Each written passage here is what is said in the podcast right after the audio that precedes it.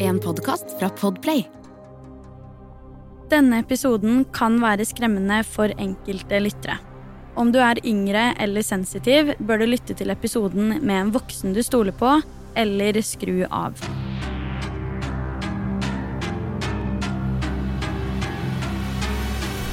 Hei og velkommen til nok en episode av Forsvinningsfredag podcast og til enda en påskeepisode. I denne episoden tenker jeg å ta for meg en av amerikansk krimhistories desidert verste saker, som også har blitt omtalt i så godt som alle de store internasjonale mediehusene. Du kjenner antageligvis saken som The Night Stalker, og jeg skal fortelle deg hvorfor dette kallenavnet kom til samt hvem i all verden denne brutale seriemorderen var. La meg fortelle deg sannheten om The Night Stalker. 17.3.1985 skulle være starten på noe stort. Maria Hernandez er på vei inn i leiligheten sin da hun plutselig møter på en mørk skikkelse i garasjen. Maria hadde bare kommet hjem slik hun pleide, og parkert bilen, og dessuten pleide hun å gå gjennom garasjen for å komme inn i leiligheten, da de også hadde en inngang der. Ved inngangen blir hun angrepet av en helt ukjent person og forsøkt skutt. Gjerningsmannen skyter mot henne, men hun forsøker å dekke til ansiktet sitt med hånda si.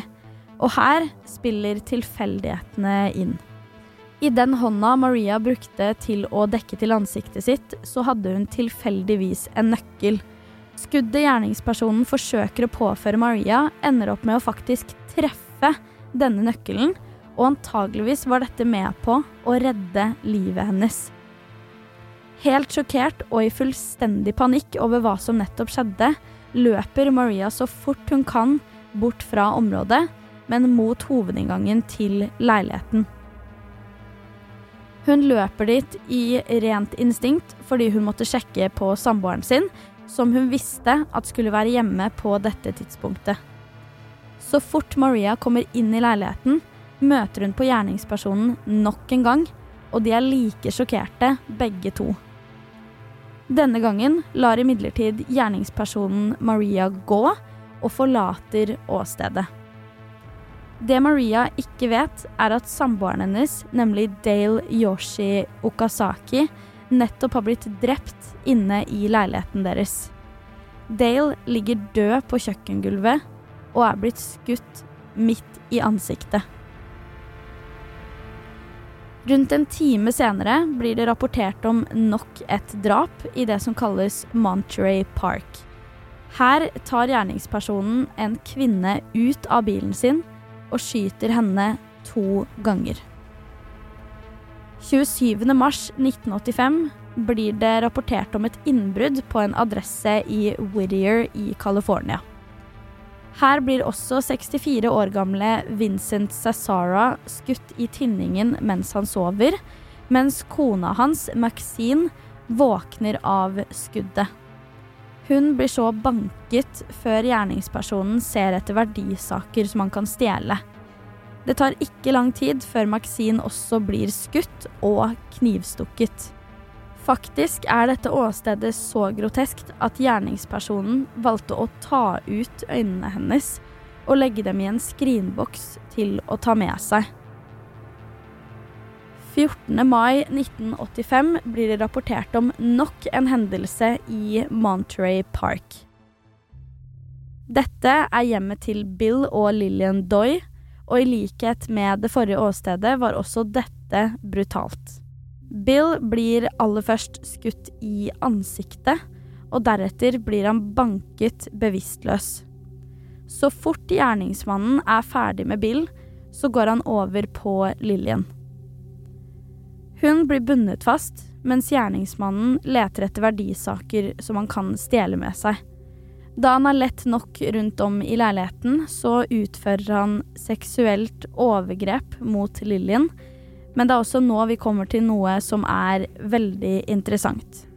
Det som nemlig skiller seg ut i akkurat dette tilfellet, er at Bill, altså ektemannen, faktisk ender opp med å jage ut gjerningsmannen til tross for at han var blitt skutt i ansiktet. Han hadde nemlig bevitnet absolutt alt som hadde skjedd med kona, og som du sikkert kan tenke deg, så utløste det en veldig, veldig sterk reaksjon mot denne gjerningsmannen. Dessverre dør Bill av skadene han ble påført på sykehuset kort tid senere. 29. mai 1985 bryter noen seg inn i hjemmet til Mabel Bell og Florence Lang. Først går gjerningspersonen til angrep på Florence med hammer, før han deretter binder henne fast og går til angrep på Mabel. Her gjør han akkurat samme prosedyre som i de andre drapene, men bruker også en rød leppestift til å tegne et pentagram på både kroppen til Mabel og på begge soverommene til ofrene. Etter dette utfører han seksuelt overgrep mot Mabel, og utrolig nok blir begge disse funnet levende så mye som to dager senere, men dessverre så dør Mabel av skadene. Dette er bare noen av de rapporterte hendelsene fra den aktuelle perioden, men etter dette skjer det syv ytterligere drap og drapsforsøk før det siste drapet som til slutt skulle gjøre at han ble tatt. Det siste drapet kommer jeg tilbake til, men politiet har nå uansett en vanvittig stor jobb foran seg. Hvem er personen eller personene som begår alle disse drapene? Og er det mulig at det kan være samme person? I denne saken er det Frank Salerno og Jill Carillo som er hovedetterforskerne. På denne tiden hadde Jill nettopp fått jobb i drapsenheten i politiet, og hadde veldig lite erfaring som politibetjent generelt. Frank på den andre siden var en godt etablert politibetjent og etterforsker som også var godt likt og respektert i dette miljøet. Faktisk så var han en av dem som jobbet på saken om Hillside Stranglers, og som også var med på å til slutt løse den saken. Så det er ingen tvil om at dette var en mann som kunne sakene sine. I denne saken var det faktisk Jill som kom opp med tanken om at disse drapene kunne ha samme gjerningsperson. Grunnen til at han trodde dette, var fordi at på alle åstedene ble det etterlatt et fotavtrykk i alt fra sement, blomsterbed og diverse. Men det var også et veldig uvanlig fotavtrykk, og det kom definitivt ikke fra en trendy type sko.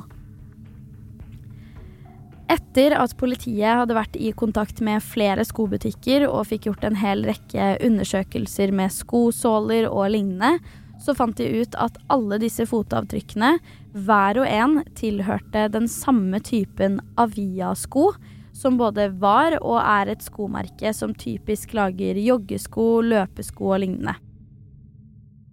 Etter videre etterforskning fant man faktisk også ut at det kun var produsert opp et lite antall av akkurat denne skoen som passet til fotavtrykkene, og kun ett av disse parene ble sendt til Los Angeles.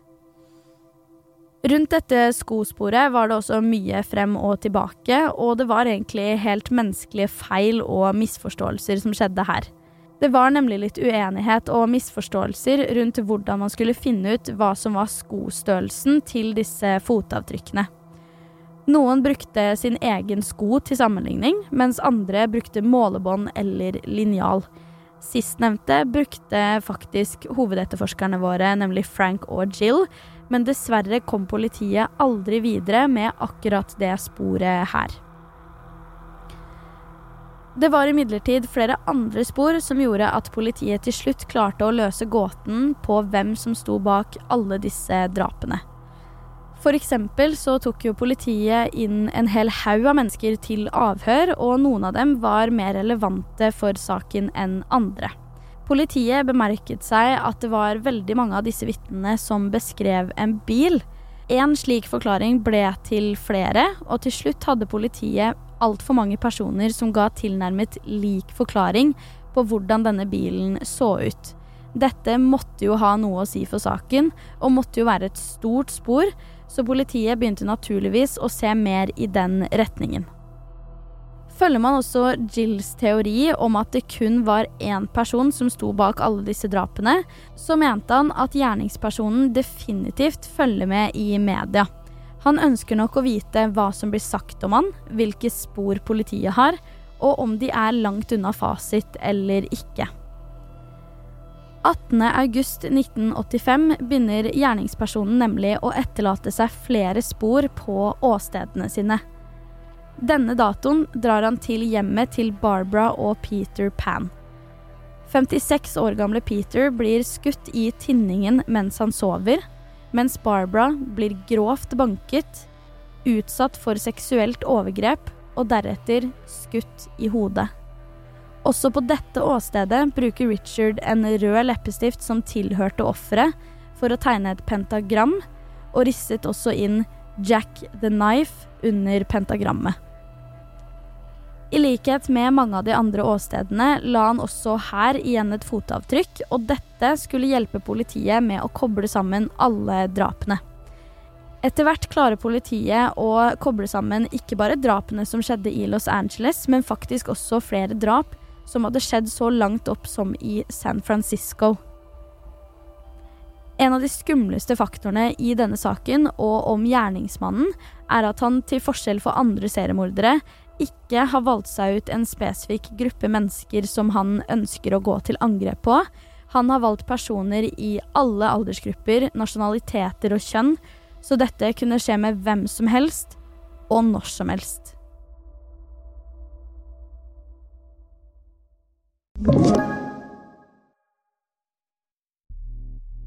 24.8.1985 drar gjerningspersonen langt. Etter hvert kommer han frem til huset til James Ramero jr. James har tilfeldigvis en 13 år gammel sønn som på tidspunktet sto ute og jobba på en motorsykkel, da han tilfeldigvis så bilen til det som skulle vise seg å være gjerningsmannen. 13-åringen så da bilen kjøre ganske mystisk i området, og det syntes han var veldig rart. Han valgte da å vekke foreldrene sine for å fortelle det, og sier at han så ut som en stalker på måten han kjørte rundt på. Det interessante her er at så fort gjerningsmannen så at 13-åringen var i ferd med å løpe inn og fortelle dette, så kjører han så fort som aldri før bort fra nabolaget, men 13-åringen forsøker nå å bemerke seg utseendet på bilen, og så mye han klarer av registreringsnummeret.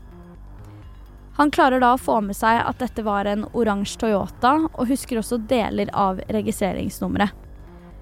Faren til 13-åringen velger naturligvis å kontakte politiet for å informere om hva som ble observert, og denne infoen ble da gitt til media. Det skulle vise seg at denne oransje Toyotaen var en stjålet bil, samtidig som at denne bilen sklei rett inn i beskrivelsene som andre vitner hadde gitt politiet tidligere. Politiet ender opp med å finne bilen og venter på at gjerningsmannen skal komme tilbake til den. Etter å ha ventet en god stund konkluderer de med at han aldri kommer til å gjøre det, og da tar de heller masse undersøkelser av den stjålne bilen for å se etter biologiske spor. Her finner politiet et fingeravtrykk fra speilet på innsiden av bilen, men utfordringen her var at DNA-teknologien ikke var optimal i sin tid, og de trengte et DNA-kort til en mistenkt for å kunne se om dette var en match. I praksis hadde da dette fingeravtrykket ingenting å si for videre etterforskning. Etter en rekke vitnebeskrivelser og forklaringer velger politiet å gå ut i media med fantomtegninger av det de tror er gjerningsmannen. De forsøker nå å samle inn mer info fra offentligheten, og oppfordrer folk til å ta kontakt dersom de tror at de har informasjon som kan hjelpe til i saken. De ender opp med å få inn flere hundre tips, typisk fra folk som kjente igjen mannen på fantomtegningene. Politiet velger faktisk å gå videre på absolutt alle spor som kan hjelpe dem, til tross for at noen av dem ikke engang passet inn i vitneobservasjonene som hadde blitt gitt tidligere og da loggført. En del av beskrivelsen som ble gitt til offentligheten, var høy latinamerikaner med veldig råtne tenner. Etter en stund får politiet inn et tips fra en jente som forteller at faren hennes jobber på gata, og nylig har blitt venn med en fyr som kaller seg Rick. Jenta gir politiet så mye info, og allerede innledningsvis i samtalen bestemte politiet seg for at de måtte sende en patrulje for å undersøke dette nærmere, finne faren og også få en samtale med han. Denne samtalen får de, og faren forklarer at denne Rick-personen har forklart til han at han hadde tatt livet av et asiatisk par i Monterey Park. Faren ga også politiet mange detaljer om dette som aldri hadde blitt gitt ut i media før, og dette gjorde at politiet forsto at det måtte ligge noe i dette. Pistolen som ble brukt i disse drapene og drapsforsøkene, var en pistol som Rick hadde gitt til denne faren. Faren hadde gitt den videre til en annen person, og denne personen igjen bodde i Tijuana i Mexico. Politiet velger da å ta med seg denne faren til Tijuana for å finne pistolen, og det faktisk med hell. Ikke bare klarte de å finne den, men de fant også en høyttaler som kunne kobles til et av åstedene pga. et serienummer. Senere får politiet inn enda et tips som har stor betydning for saken. En politiinformant leverer nemlig inn et smykke eller et armbånd som han hadde fått fra eh, svigermoren sin. Svigermoren igjen hadde visstnok fått dette av kjæresten sin, som het Armando Rodriguez. Ifølge denne svigermoren, som bodde i San Pablo i California, så var dette et armbånd som kjæresten hennes hadde fått fra en person hun selv kjente som Rick. Nå kunne politiet koble disse forklaringene sammen med denne faren som forklarte om en Rick-person som hadde fortalt at han hadde skutt det asiatiske paret. Det kom nå bare inn flere og flere detaljer som politiet var interessert i, fordi mye av det kunne kobles til annen info de allerede hadde i saken, og det blir åpenbart at saken kun har én gjerningsmann. Politiet oppsøker etter hvert Armandos adresse, men overraskende for politiet så var han veldig lite samarbeidsvillig i starten. Litt overbevisning senere forklarer han heldigvis hva denne personen faktisk het. Personen politiet leter etter, heter Richard Ramirez. Det som til slutt resulterer i at Richard blir tatt, er i det store bildet fantomtegningene. Etter å ha fått beskjed om navnet, bestemmer nemlig politiet seg for å sende ut bilde av Richard til alle mediehus, sånn at ansiktet hans plutselig var tapetsert i alle aviser, og det skulle ikke være mulig at dersom noen så han, at de ikke skulle kjenne han igjen. En dag sitter denne Richard-personen på en lokalbuss. En person kjenner han igjen først, og velger å gå på neste stopp for å ringe til politiet og informere om hendelsen. Richard ser dette og blir stressa, og samtidig begynner folk å peke, og det virker som at alle i bussen nå legger merke til han. Etter hvert går Richard av bussen for å forsøke å stjele en bil og komme seg unna, men dette ble en umulig oppgave når så mange hadde sett han. Det ender med at det er så mange mennesker som både ser han og svermer seg rundt han for å kunne få politiet til stedet før han rekker å rømme. Han blir også banka skikkelig grovt før politiet endelig ankommer. Takket være disse menneskene blir han endelig pågrepet av politiet. La meg gi deg litt kontekst og bakhistorie på hvem Richard Ramirez egentlig var, for han har en ganske interessant historie. Richard Ramirez ble født 29.2.1960 i El Paso i Texas og var yngst av fem søsken. Oppveksten hans har ekstremt mye å si for hvorfor han endte opp med å bli som han ble, som den selvfølgelig har for alle mennesker, men i Richards tilfelle kunne ikke dette vært tilrettelagt for en verre skjebne. Richard vokste opp i et katolsk hjem. Moren hans jobbet på en støvelfabrikk, mens faren hadde erfaring fra militæret, men jobba nå med tog. Angivelig slet også faren med et veldig voldelig temperament, et eksplosivt sinne, og dette skal ha hatt mye å si for utviklingen til både Richard og de andre søsknene. Allerede som toåring får Richard en kommode i hodet, som da faller over han. Dette resulterer i at han blir bevisstløs og også må sy veldig mange sting i både hodet og i panna. Som femåring blir han truffet av en huske, som igjen gjør han bevisstløs. Et år senere, som seksåring, så får Richard utrolig mange anfall og får etter hvert påvist epilepsi, antageligvis som følge av alt som hittil hadde skjedd i oppveksten hans. Som seksåring bevitner han også at faren er voldelig mot en av de eldre brødrene sine, og denne hendelsen var også starten på ekstremt mye vold i familien til Richard.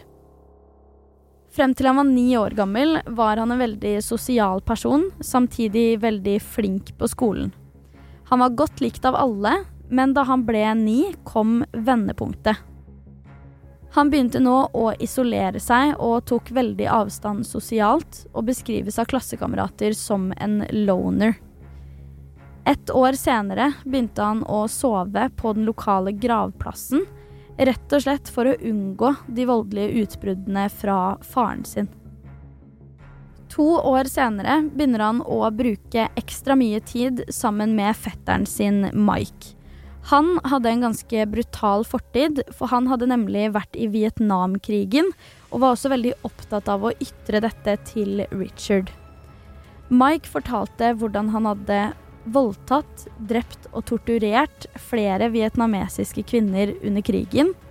Og ikke bare det, han hadde også forklart til Richard hvilken taktikk de hadde brukt under krigen. Noen kilder skal ha det til at han også viste grafiske bilder til Richard, men dette er ikke bekreftet foreløpig. Da Richard var rundt 13 år, bevitner han noe som en 13-åring virkelig ikke skal se. Han bevitner nå fetteren sin ta livet av sin egen kone rett foran Richard ved å bli skutt. Dette skal ha vært som resultat av en krangel som også foregikk foran ansiktet på han. Alt sammen bevitnet han. Etter drapet blir Mike stilt for retten, men får faktisk ikke straff fordi han ble regnet som strafferettslig utilregnelig.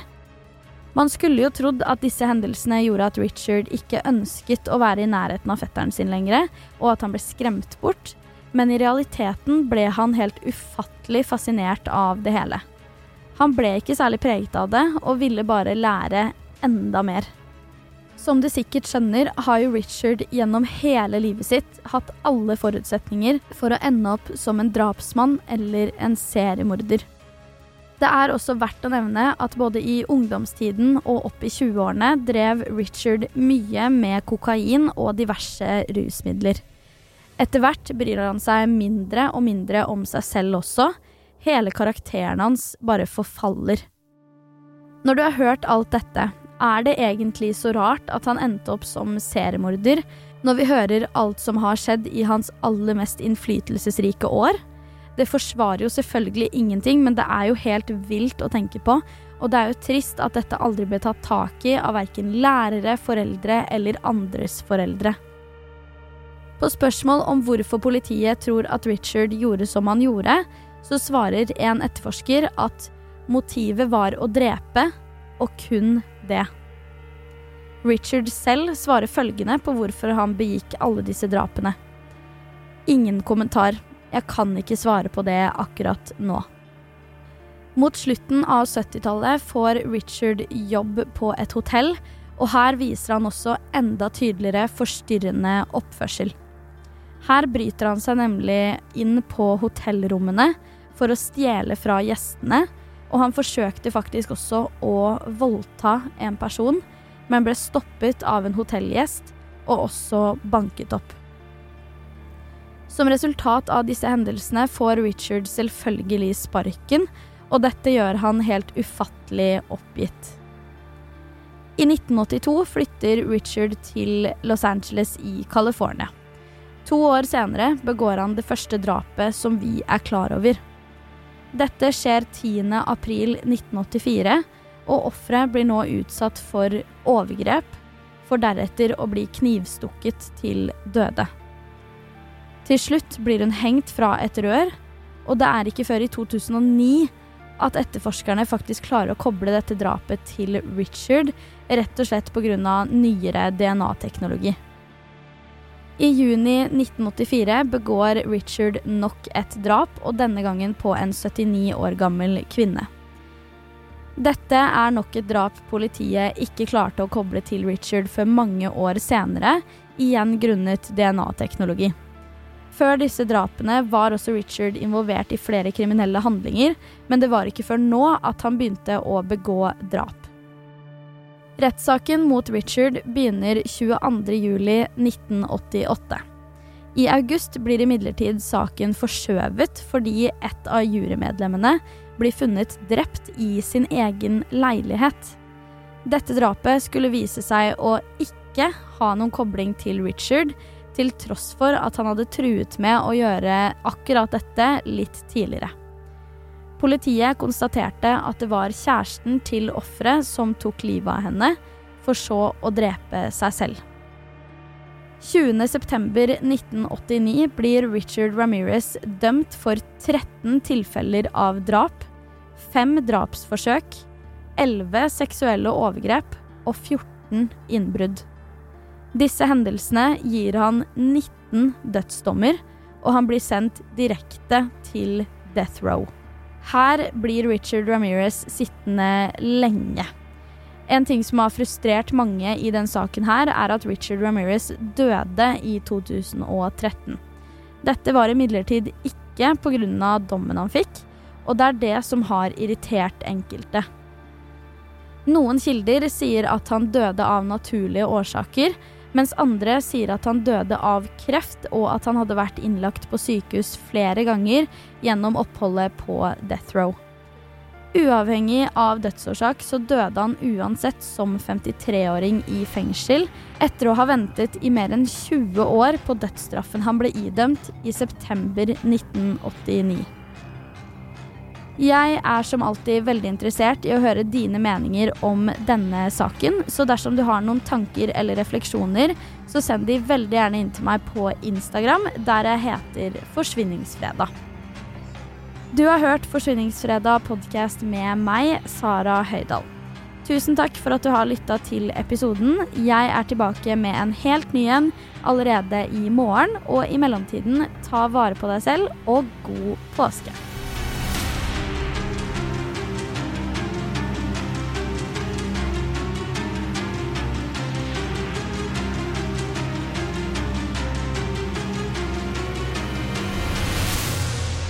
Du har hørt en podkast fra Podplay. En enklere måte å høre podkast på. Last ned appen Podplay, eller se podplay.no.